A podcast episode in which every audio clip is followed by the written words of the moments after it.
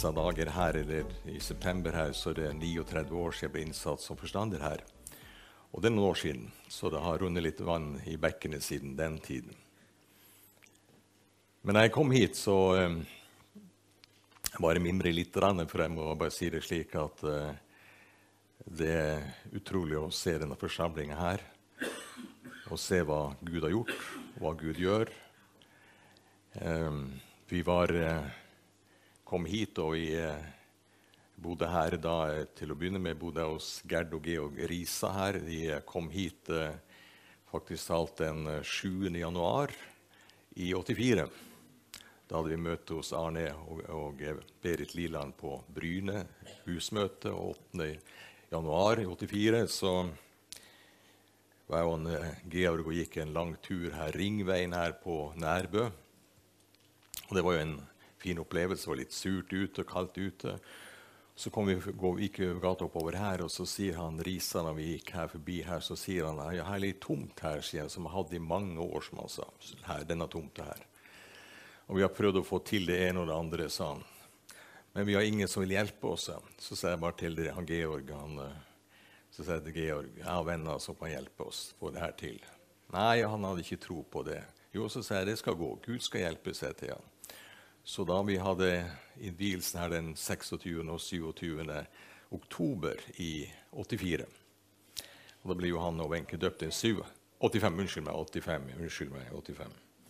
Og da husker jeg det på sommeren i 84 så um, hun Solfrid hun vet jo hvem han er, da, han Oddvar Nilsen. Hun Solfrid uh, Grøtte hun sitter her nede en plass. Og eh, da i 84, da, på Helmatoppen, så kom eh, Oddvar Nilsen til meg. da, Han var en god venn av meg. da, og Så sier han Oddvar til meg Ketil, du skal ikke til Nærbø. Jo, Gud har talt til meg jeg skal til Nærbø, sier jeg til han da. Så hadde jeg ikke reist til Nærbø i 84, da, i, så har det ikke blitt noe her. Da var det en, 14, en liten flokk her på 14-15 stykker her. Men det å investere i ting og gjøre ting, og tro på Gud, tro på Guds ord, det er det viktigste av alt. For det blir alltid konfrontasjon når Guds ord forkynnes. Jeg husker de skrev i Kirkelighetsbladet her da. I 84 så skrev de det, eller 85 så skrev de at det var de gjendøperne som begynte her på Nærbø her. Så vi fikk litt motstand. Men skjønner du, Herren er med. Guds ord er sant, og det er det som vi holder på med. Vi holder på ikke med annet. Jeg har ingenting annet å formidle i dag enn at uh, ordet er sant. Det er troverdig, det vi holder på med. Ingenting annet er troverdig. Vi lever i en tid der at uh, Bibelen pulveriseres. Folk vil ikke høre på det, ta imot det. Men der ordet forkynnes, der blir det konfrontasjoner. Og det er det som er åndeverdenen. Vi har en åndeverden som er reell. Og det er det som vi skal se litt i dag på i Guds ord også. Den er reell. Den er så reell at vi kanskje ikke forstår åndeverdens krefter. Derfor er det kun det eneste vi har, det er Guds ord. Eh, forfatter, fjerde kapittelet, vers 12, så står det at Guds ord er skarpere enn noe tveget sverd. Hva har Gud gitt oss? Gud har gitt oss ordet. Ingenting annet har Gud gitt oss. Det er kun det eneste vi kan stole på. Det eneste vi kan holde, holde oss til. det. Og For min egen del så må jeg si det slik at jeg har i løpet av de to siste årene så har jeg spurt hvorfor lever Herre? For, for to år siden så var det 70 dager på sykehus. Så jeg har litt kjennskap til sykehusverdenen også. Men eh, Gud være takk at jeg lever. Men tilbake til eh, den åndelige siden og det jeg skal si litt her om i dag. Vi eh, har forholdt meg til Bibelen siden jeg var tenåring, og eh, det eneste som har å lite på, det er Guds ord. Og vi har et eh, Vi skal lese litt i Apostelens gjerninger skal vi lese sammen da, om det som eh, skjedde da i, eh, i Efesus. Og det, Når ordet ble forkynt i Efesus, så skjer det vibrasjoner i den åndelige verden. Veldige vibrasjoner i den åndelige verden. Paulus kommer dit og formidler Guds ord. Og det skjer ting. Vi skal lese sammen litt i Apostelens gjerning kapittel 19. Og eh, Der står det om hva som skjedde der. litt. Vi skal lese litt det samme der. Der står det fra det åttende verset. Han gikk så inn i synagogen og talte frimodig i tre måneder. Han førte samtale med dem og overbeviste dem om det som hører Guds rike til. Men noen forherdet seg og ville ikke tro. De talte ille om veien, så mengden hørte det. Da brøt han lag med dem og skilte disiplene fra dem, holdt daglig samtale i sin skole. Dette varte i to år, så alle som bodde i Asia, fikk høre Herrens ord, både jøder og grekere. Og Gud gjorde helt uvanlige, kraftige gjerninger med Paulus' hender så at til og med folk tok svetteduger eller arbeidsforklær som han hadde hatt på seg, og bar til de syke, og sykdommen forlot dem, og de onde ånder for ut av dem. Men så leser vi også om disse som prøvde å gjøre det samme i Herrens navn, men det gikk galt med dem. da. Men vi leser litt nedover, da. Så står det da, dette ble da kjent fra vers 17, da, dette ble da kjent for alle dem som bodde i Efesus, både jøder og grekere, så det kom frykt over dem alle, og Herrens Jesu navn ble lovprist. Og mange av dem som blitt troende, kom og bekjente og fortalte hva de hadde drevet med. Ikke få av dem som hadde drevet med trolldomskunster, bar sammen bøkene sine og brente dem opp for alles øyne, og det regnet ut verdien av dem og fant ut at det var 50 000 sølvpenger. Slik hadde Herrens ord stor framgang og fikk makt. Det var ingen predikant som fikk framgang. Litt interessant. Hvorfor fikk ikke predikanten framgang? Hvorfor står ikke det at Paulus fikk framgang? Men det står det Herrens ord hadde stor framgang og fikk makt. Hvem er jeg? Hvem er du? Vi er barn av Gud, og vi har fått ord å forkynne og formidle. Og det som Når vi leser dette, her, så kjenner jeg det er nettopp det som denne nasjonen trenger, dette stedet trenger. Enhver by trenger å høre Guds ord igjen, forkynt, klart og rent, uten å legge noe til eller trekke noe ifra. Forkynn det. Og da blir det kamp i åndeverden. For det sier Paulus også til menigheten i Efesus. Han sier det. Vi har ikke kamp imot kjøtt og mot blod, men mot makter og mot myndigheter. Hva er det vi ser i vårt eget land i dag? Vi ser det, det er ideologier som presses på oss i vårt land. Og hva er det vi gjør for noe da? Skal vi falle, bøye, oss, bøye oss for disse maktene og den ideologien som skjer? Nei, vi skal reise oss imot dette her. Og vi skal forkynne Guds ord. Det er det eneste som vi har fått, det eneste som jeg har fått tildelt å gi og formidle, det er Guds ord. Som forkynner har jeg ikke fått noe annet å formidle enn kan Guds ord. Det er det eneste jeg har fått. Og det er et forvalteransvar. For det er ikke mitt. Dette er ikke mitt. Det er Herrens. Og det er stor forskjell på det som er mitt, og det som er Herrens. Herrens ord er Herrens ord, og det er levende ord vi formidler. Jesus han sa det, står det i Johannes evangelium 6,63 at de ord jeg talte til det er ånd og det er liv. Og Derfor er det at når ordet forkynnes, så skjer det noe i den åndelige verden. Disse maktene og myndighetene ønsker ikke at ordet skal forkynnes på noen som helst måte. For da blir det med en gang kamp. Og kampen vi står i, den har allerede vunnet på korset. Derfor må vi bare forkynne ordet. Han som er ordet, skal vi formidle klart og tydelig videre i dag. Ordet er ordet. Vi kan aldri komme fra det. Når jeg var barn, så var det en ting som jeg hadde, hadde åpenbart. Gud har åpenbart for meg som barn. Og det var det som står i Johannes evangelium, det første kapitlet. Det leste jeg kveld etter kveld, og det gikk inn i mitt hode og det gikk inn i mitt sinn, og det lever den dag i dag i mitt hjerte. da. Og det som det står som eh, Johannes evangelium kapittel 1, så står det i begynnelsen var Ordet, og Ordet var Gud hos Gud, og, vare, og Ordet var Gud. Han var i begynnelsen hos Gud, og alt er blitt til ved ham, og uten ham er ikke noe blitt til av alt som er blitt til. Så det er gjennom Han at jeg står her. Gjennom Han er det at du er her. Et annet ord som du skal få tenke litt på. Håper at du tar imot det ordet. Lite ord, lita setning. En kraftfull setning. Kun én setning. Så tenker du hva er det for noe? Jo, det står i første Korinterbrev. Sjette kapittelet. Vi skal lese de to siste versene der, 19 og 20. Eller vet dere ikke at deres legeme er et tempel for Den hellige ånd, som bor i dere, og som dere har fått fra Gud? Så kommer den lille setninga. Dere tilhører ikke lenger dere selv. Hvem tilhører du? Han som er Ordet? Eller han som er der ute som vil ha tak i deg og føre deg på avveier? Guds ord fører ingen mennesker på avveier. Den fører dem på den veien som Johan var inne på her, fører oss imot himmelen. Og Det er det, det er stor forskjell på disse tingene her.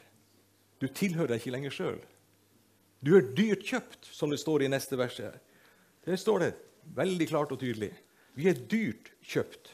Og når du er dyrt kjøpt, så betyr det at Jesus han gav alt for deg, han som ordet. Så står det dere er dyrt kjøpt. La da legemet være til ære for Gud. Vi er dyrt kjøpt. En pris som er betalt for oss. Og hvem var det som betalte? Det var Ordet, Kristus, Jesus, som betalte våre synder, som ga sitt liv for oss.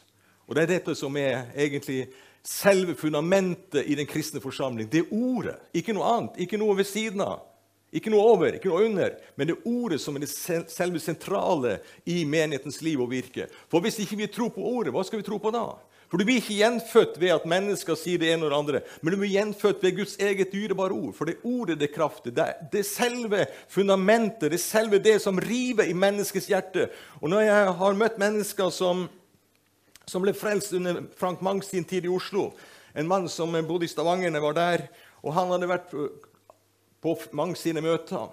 Denne mannen sa det slik Før vi kom til teltet i Oslo, så merka vi atmosfæren. Det var en åndelig atmosfære.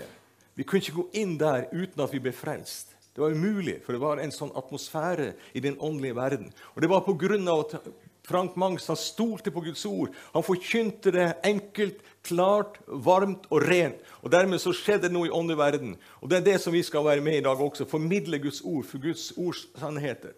Og når Paulus skrev dette til menighetene i eller var der i apostelen, Vi leste i Apostelens gjerning Efusus. da, at han slik hadde Herrens ord stor framgang og fikk makt. Denne menigheten her i Efesus opplevde vekkelse. Ordet ble forkynt. Det spredte seg. Mennesker tok imot. Mennesker ble fornya. Mennesker kom inn i Guds forsamling osv. Vi ser og leser om dette. Men Paulus han opplever noen ting. Vi skal lese det i det neste kapittelet, Apostelens gjerning, kapittel 20. og Vi skal lese det sammen der, for opplesning av Skriften er viktig. Paulus han skriver til sin unge venn Timoteus.: Forkynn ordet, sier han. Forkynn ordet. Ikke noe annet. Ikke forkynn eventyr. Forkynn ordet, for det er det som egentlig er selve sannheten. I, i Apostlenes gjerning, kapittel 20, så står det da Paulus han, eh, Som det står da fra vers 17 Apostlenes gjerning fra vers 20, 17. Fra Milet sendte han bud til Efesus og talte til menighetens eldste. Da de var kommet, sa han til dem.: Dere vet hvordan min ferd iblant dere var, hele tiden da den fra den første dag jeg kom til Asia. Så han fortalte det at hans liv var i sannhet liv og lære holdt i hop. Rett, som det står. Jeg tjente Herren med all ydmykhet under tårer og prøvelser som kom over meg ved jødenes onde plager. Jeg holdt ikke tilbake noe av det som kunne være til gagn for dere, men jeg forkynte dere det og lærte dere det, offentlig og i husene. Jeg holdt ikke noe tilbake. Det er litt interessant. Paulus hadde ikke to ulike agendaer. Han hadde én agenda. Han hadde ett mål. Det var å være tro imot Gud. Og det er det som vi også vi skal være tro imot Gud. Hvis du og jeg ikke tilhører oss sjøl, vi tilhører en annen, da skal vi være tro imot Han som ga oss ord. Det var Paulus. Han var tro imot det han hadde fått overbrakt. Han var tro. Å være tro, det er viktig. Å være tro imot det man har fått. Og Han sier, 'Holdt ikke noe av det som var til gagn for dere. Men forkynte dere det, sier han, både offentlig og hjemmene. Så Paulus han var ikke én person der ute i det offentlige og en annen person i det, i det, private. Han var akkurat den samme. Uansett hvor Paulus var, så var han den samme. Han var det han var. Han var et Herrens sendebud, han var en apostel, store apostelen. Og så står det videre Jeg vitner både for jøder og for grekere om vennelsen til Gud og troen på vår Herre Jesus Kristus. Og se, bundet av ånden drar jeg til, nå til Jerusalem og vet ikke hva som skal møte meg. Jeg vet bare at Den hellige ånd i by etter by vitner for meg og sier at lenker og trengsel venter meg. Men for meg selv, sier han. Paulus han sier i Galaterbrevet 2,20, så sier han at Hva sier han der? Jo, han taler, taler om da klart og tydelig sier Paulus i Galaterbrevet 2,20, så sier han det slik. Jeg er korsfestet med Kristus. Jeg lever ikke lenger selv, men Kristus lever i meg. Derfor sier han, men for meg selv akter jeg ikke mitt ord verd, livets ord verd, når jeg bare kan fullende mitt løp og den tjeneste som jeg fikk av Herren Jesus, og vitne om Guds nådes evangelium. Menigheten Guds menighet, som er utkalt til å være noe annerledes enn alt det andre omkring oss. Vi skal være lys, og vi skal være salt. Vi skal være den kraft som Gud har tiltenkt oss. Menigheten skal være en kraftkilde og skal være et trykk imot alt i den åndelige verden. Vi skal være trykk imot, ikke for og med, men vi skal være trykk imot. Og så står det Og se, nå vet jeg at dere aldri, aldri mer skal se mitt ansikt, alle dere som jeg gikk omkring iblant og forkynte riket. Derfor vitner jeg for dere på denne dag at jeg er ren for alles blod. Og så kommer han på nytt igjen. For jeg har ikke holdt noe tilbake, men jeg forkynte det hele Guds råd, sier han. I dag så vi litt slik vi prøver å hoppe litt over. Jeg har en episode. Jeg må fortelle den. Det var i 85. Kom akkurat til meg nå. Se Wenche her. Og Det var litt underlig, det. Vi var på Bryne, og vi var hos, etter vi hadde sunget der på Bryne på, i SIO. Og eh, så var vi invitert til eh, Kari og Oskar Schalte. Og Oskar var jo ganske sånn på det at, eh, om dåpen. Veldig den kvelden. Og han gikk virkelig at dåpen var så utrolig, utrolig viktig. Og så Neste ettermiddag så var det å bygde og snekre her på huset her, på Betel her. Så, så får jeg bare en beskjed om at eh, det var noen som hadde ringt meg. Jaha, så tenkte jeg, hvem er det som har ringt meg? tenkte For jeg fikk bare beskjed, så jeg måtte kjøre opp til Tvihøgda i Bodø. Altså, mens jeg kjørte herifra og dit, så tenkte jeg det må være tre personer, ulike personer. Men det er én person som kom til meg klart og tydelig. Det er Wenche. Hun har ringt meg. Hun har ringt meg. Hun er sint på meg. Så ringer jeg til Wenche. Så ringer, ringer, jeg til Wenche, så tar hun telefonen og sier 'Jeg er sint på deg'. Jaha, hva er du sint på? For dåpen. Ja, du skal bare være sint, så er det ingen farlig. For den kvelden hadde jeg ikke sagt et ord om dåpen. Det var Oskar Schalte som kjørte hele løpet, så jeg var helt stille. Og Wenche var sint i telefonen. Jeg så, så, bare være sint. Ingen problem. Jeg har ikke sagt noe om dåpen. Det står i Bibelen, sier Theo da. Men det var en tøff episode der etterpå. Det husker jeg. Det var tøft. Jeg må si det slik, kanskje ikke mange vet det, men jeg må si at uh, den høsten der, i september måned som kom der han Johanna var nyfrelst. Han hadde vært hos uh, fengselsbetjent Johannessen på tirsdag. Jeg må si det her, for at det bare kommer for meg veldig sterkt hvor viktig det er. Nyfrelst av Johan sitter der i stua til Johannessen. Vitne til Johannessen. Så sier Johannes, Johan disse ordene til han. Kanskje aldri du kommer til å føle noe blir frelst. Du må ta imot Jesus. Bak gardinen i stua der hos Johannessen, rett over gata, der lå testamentet. Det var på tirsdag. Søndagsmorgen så ringer telefonen. Wenche ringer. Du må komme, Ketil. Da var det det at på andre sida av gata, der denne mannen bodde, hadde han hengt seg sjøl tatt livet av seg. Han hang der. Samme dagen, den søndagen, så ringer Wenche tilbake. Så sier hun, 'Jeg må bli døpt', sier hun. Høres rart ut. Du skjønner det Jeg har fulgt med litt. Og jeg må bare si det slik at uh, de vågde å stå for noen ting. Og det, det kosta Johan og Wenche veldig mye, det å gå den veien. Jeg sto sammen med dem og fikk erfare det. Men så sier han her Vi går tilbake til Skriften. Jeg har holdt noe tilbake, men jeg har forkynt dere hele Guds råd. Alt som var tilgjengelig for Paulus, det formidlet han. Sannhetene formidlet han. Og Når jeg har venner som i dag som egentlig har slått av på litt på Skriften for å få tilpasse denne tidsånden og det som er vår tid her, så blir jeg skremt.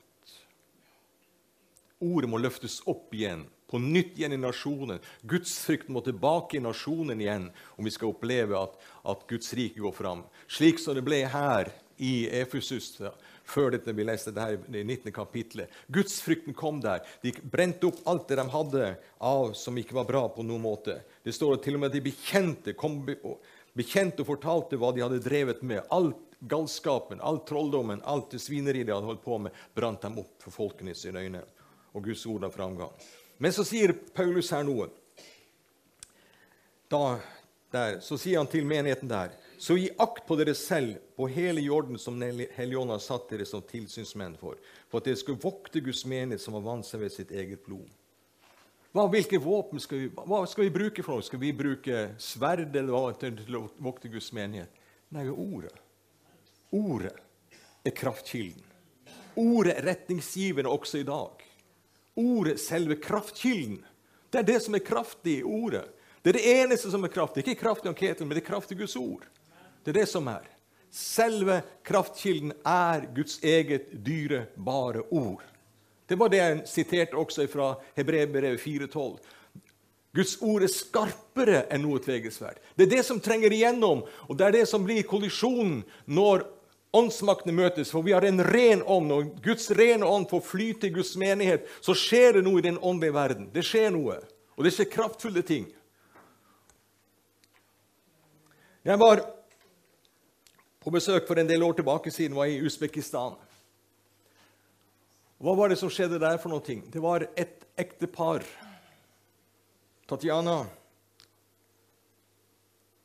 og hans mann distanset igjen i 85 i Usbekistan.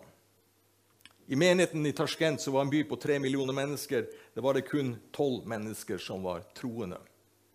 Men de stanset igjen der. Og I 1990 så var menigheten vokst til ca. 20 personer. I 92 kom det en person som kommer der, en finsk evangelist kommer dit og begynner å ha gatemøter i, i Tasjkent. Og jeg har i de gatene begynte å ha gatemøter. Han formidlet ordet om korset. Det enkle budskapet formidlet han til. Og det strømmet hundrevis av mennesker inn i gatene der.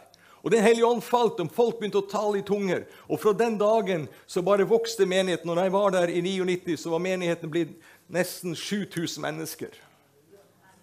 Det var konfrontasjon i åndeverden. De var villige til å dø for det de trodde på.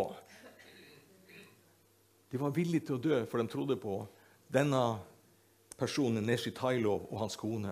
De var der og fikk oppleve det. Og Han reiste omkring i Usbekistan, i mange byer, det var i muslimsk land osv. Men han fikk se Guds kraft gjennom konfrontasjon. Han kunne sitte sammen med muslimske imamer videre i moskeer én dag, to dager, og samtalte sammen med dem, for han hadde også kunnet Koranen. Satt han der sammen og pratet med dem. Og så plutselig så tenkte han nå må jeg prøve å svinge inn på hva Bibelen sier, hva Guds ord sier om frelse osv. Og, og da var det slik at enten så gikk det galt, eller så gikk det bra. Og hvis det gikk galt, da måtte han springe. Gikk det bra, så satt de og tok imot. Og mange imamer fikk oppleve å ta imot Jesus Kristus og bli frelst. Hvorfor var det? Han var villig til å konfrontere til slutt. kan vi si da. Først må man lytte på hva, hva åndeverden sier, Og Da konfronterte han, og han fikk oppleve å se evangeliet gikk fram i Usbekistan. Mange forsamlinger ble dannet. Du skjønner det, Guds kraft, det er den samme i dag som da på apostlenes tid. Uforanderlig i styrke. Han sier da Vokt Guds menighet som han vant seg ved sitt eget blod. Det er det som er. Vi, har ikke noe, vi kan ikke sette gjerde rundt noe mennesker. Men det eneste vi kan gjøre, det er å bygge opp murene igjen, de åndelige murene igjen. For det er det som er kraftig, for det er Guds ord. Det er Guds ord. Bygge opp de åndelige murene igjen, for det er det som er kraft og styrke. Guds eget dyrebare ord. Så sier han Hva sier Paulus? Jeg vet at etter at min bortgang skal det komme glupende ulver inn blant dere, som ikke skåner jorden. Ja, selv blant dere selv skal det fremstå menn som fører falsk tale for å lokke disipler etter seg. Våg derfor, kom i hu at i tre år natt og dag ikke holdt opp med å formane hver eneste en med tårer. Ja, hvilken kjærlighet hadde han til ordet, til de mennesker som han var i sammen med? Formate dem i tre år med tårer. Satt ansikt til ansikt til dem. Fordi menneskene har satt ansikt til ham evighetsvandrere. Han visste det. Guds ord taler om det. Det hadde han lest i, Guds, i Gamle testamentet, var det han forkynte ut fra Det gamle testamentet osv. Men han forkynte klart og tydelig. Han sier det da. Våg derfor, kom i hu at i tre år natt og dag ikke holdt opp med å formane hver eneste en med tårer. Ja, men vi skal vel ikke formane noen i dag? Det er vel ikke så bra, det, da? Det er vel litt sånn dårlig å formane noen folk. Men Bibelen taler om det. Vis dem den veien skal gå. Vis veien. Det er det som er. Når jeg tenker på dette som står her, så sier han det også videre. Og nå overgir jeg dere til Gud og Hans nådes ord, Han som er mektig til å bygge, oppbygge dere og gi dere arr sammen med alle dem som er blitt helliget. Jeg har ikke traktet etter sølv eller gull eller klær fra noen. Paulus var opptatt kun med å forkynne ordet. Leve ut ordet, få kjenne det at det gjorde noe. Og Han fikk se på sine misjonsreiser fikk han se evangeliet gikk fram. Han fikk se med sine egne øyne at ordet flyttet inn i menneskers liv og gjorde mennesker til nye skapninger. Og Det er det vi ønsker å se. Er det ikke det vi ønsker å se, at mennesker skal komme til tro? En levende tro på Jesus Kristus. Ikke døde formalisme, men en levende tro på Jesus Kristus. Det er det det dreier seg om. Jeg sa det til Solfrid her i sted. her. Hun kom her og hilste på meg. Så sa jeg til Solfrid Din far, Tom, han barnevelsignet meg i 1954. 30. januar 1954 barnevelsignet Tom Erlands meg. Så du skjønner det. Jeg har litt av det også. Min nest yngste sønn er også barnevelsigna av Tom. Så ordet for meg er ordet. Ikke slå av på noen ting. Jeg bare formaner dere, kjære brødre og søstre, slå ikke av på noen ting. Ikke ta en sving til høyre til venstre, men gå rett fram på veien. Det er det gjorde Paulus. Han gikk rett fram på veien. Det er kun én vei. Det er Jesus Kristus. Jeg er veien, sannheten og livet, som Jesus sa. Ingen andre veier. Du kan ikke ta en, en rundkjøring, skjønner du. Ta, det, ta den enkleste veien. Det er en vei, så det koster noe. Jeg vet ikke om du har beregnet kostnadene av det livet. Når Paulus skriver dette, så kommer jeg til å tenke på det som står i åpenbaringsboken. Hva var det som skjedde der? Vi går dit. Denne menigheten som hadde opplevd virkelig store ting, et åndelig gjennombrudd, der mennesker kom og eh, fortalte hva de drevet på med, bekjente sine synder, brant opp alt det de hadde, osv. osv. Og her i åpenbaringsboken i kapittel 2 så leser vi også om menigheten der. Vi skal lese litt sammen der. Det er som det står, skriv til kapittel 2, åpenbaringsboken kapittel 2, fra vers 1. Skriv til engler for menigheten i Efesus. Dette sier han som holder de sju stjerner i sin høyre hånd. Han som går midt imellom de sju lysestaker av gull. Jeg vet om dine gjerninger og ditt arbeid og ditt, din utholdenhet, og at du ikke kan tåle de onde. Du har prøvet dem som kaller seg selv apostler, og ikke er det, og du har funnet ut at de er løgnere. Du har, tålt, du har hatt tålmodighet, du har hatt mye å bære for mitt navns skyld, og du har ikke gått trett. Men jeg har imot deg at du har forlatt din første kjærlighet, så tenker vi at ja, mange sier 'jeg elsker Jesus'.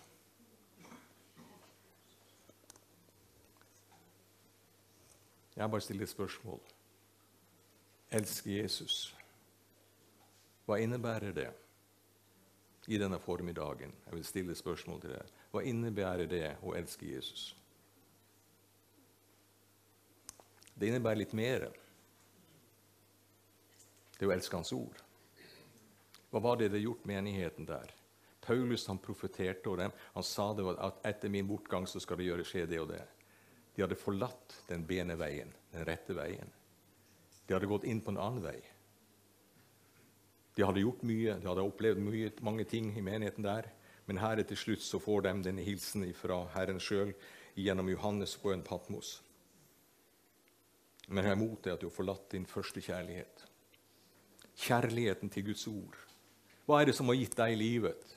Hva er det som har gitt meg livet? Det er Guds ord. Det er Guds ord som har gitt deg livet, kjære bror og søster. Det er ikke noe annet som har gitt deg livet. Hva var det som talte til ditt hjerte når du ble frelst? Det var at Den hellige ånd begynte å bevege seg inn i ditt liv, og du kjente for deg sjøl 'Jeg må bli frelst'. Var det bare predikantens ord? Nei, det var Den hellige ånd gjennom ordet som formidlet dette, og som gjorde at du ble en nyskapning. Ordet det er kraft i Guds ord den dag i dag. Gud er på tronen enn i dag. Han har ikke sveket noen. Han har stått med sitt folk til denne dagen, og han vil stå med inntil dagen kommer da Jesus henter oss på skyen. Det er realitetene. Han kommer. Derfor er det viktig, det.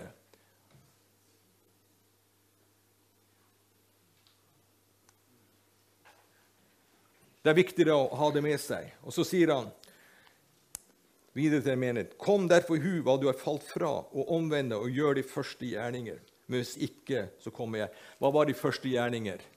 De brant opp alt det som ikke var tilbørlig. brant dem opp. Og så var de begynt å elske Guds ord. Og Guds ord gjorde sitt liv i dem. Og menigheten vokste ved det. Men så ser vi hva som skjer. Glidingen kommer. Hva er det som skjer i dag? En liten åpning i en demning gjør at til slutt så åpner hele demningen seg, og alt flyter inn. Alt flyter inn. Skjønner, Vi kan ikke gå på kompromiss med noen ting. Det går ikke an å kompromittere med djevelen sjøl. Det gjør ikke det. Og hvor, hvor, er det når Adam og Eva falt i Edens hage? Hva var det som skjedde for noe der? Fallet skjedde på innersiden i deres liv. Det var der fallet skjedde. Hvor er det ondskapens ånde herre beleirer og ønsker å beleire seg? Han ønsker å beleire seg i menneskets liv. Derfor ser vi all galskapen i denne verden. Derfor er det at vi skal være en motpol, vi skal være salt og lys, og det skal være Guds kraft i våre liv. Det er noe som skal være i oss. Gud ønsker noe for sitt folk i dag også. Gud har ikke gått av dage. Han er i live, fullt live, og han ønsker bare å berøre sin menighet igjen med sin kraft. Han ønsker å berøre sin menighet, han ønsker å berøre deg. Og jeg sier det. Du trenger ikke, Hvis du er frelst, så tenker du og sier at 'Kom, Hellige Ånd', for Den hellige ånd er i deg, og han er til stede i våre liv. Vi trenger ikke å be om han skal komme. Mange ber 'Kom, Hellige Ånd'. Han er i deg. Jesus han sa 'Det er to eller tre i mitt navn'. Der er jeg til stede', sier han. Det er det som er. Ofte vi tenker vi skal be om Den hellige ånd skal komme. Vi kan be om Den hellige ånd og gi oss visdom og kunnskap, men Den hellige ånd er en iboende kraft. Når du kommer til stedet i et møte, så er du en iboer, så er du en bærer av Guds kraft. Du er bærer av Den hellige ånd. Du er bærer av Den hellige ånd. Det er det som er. Vi er bærere av Ånden. Du forlater ikke Den hellige ånd når du går utenfor døra her. Du skjønner, du gjør ikke det. Den hellige ånd med overalt. Det er pantet. Det er pantet. Inntil forløsningens dag så er det pantet. Ånden er noe vi har fått del i da vi kom til tro på ham. Og Det er det som er godt å vite. det. Vi trenger ikke å fare hit til litt. Ånden er i oss. Og Det var det de opplevde også i Efesus. Menigheten der. Hva var det for noe? Åndens klare tiltale til dem gjorde at de gjorde det de gjorde. Brant opp alt sammen. Og så ble de nye skapninger. Men så er det slik at vi må holde fram på veien. Det er kun én vei, ikke mange veier. Én vei. Det koster litt, men du verden hvor, hvor salig det er til slutt. Det blir salig til slutt. Jeg håper at du vil bli salig til slutt. Det er det som er. Gud er på tronen. Han lever. Ikke sant, Peder? Han lever. Og han regjerer i dag også. Jeg skjønner at Gud han er uforanderlig. Så jeg bare sier det også, det som det står i åpenbaringsboken i tredje kapittelet. En av de mest tragiske versene jeg leser, leser i Bibelen. Se, jeg står for døren og banker. Så tenker man ja, ja, jo, jo hjertedøren også, min personlighet. Men han står ved menigheten. Tenk, han står ved menighetens dør og banker. Han står ved menighetens dør. Han står ved ditt hjerte også, men han står ved menighetens dør. Han står Jeg ser jeg står for døren og banker. Men de lyttet ikke. Menigheten Ladikea, de lyttet ikke. Og i dag så er det slik at vi er kommet inn i år 2023. Vi prøver å få til så mange til, men det er kun forkynnelsen av dette som er livgivende. Det er det livgivende. Kosten. Du må ha reisekost. Håper at du har reisekost med deg på reisen. Skal vi bare takke Herren i sammen?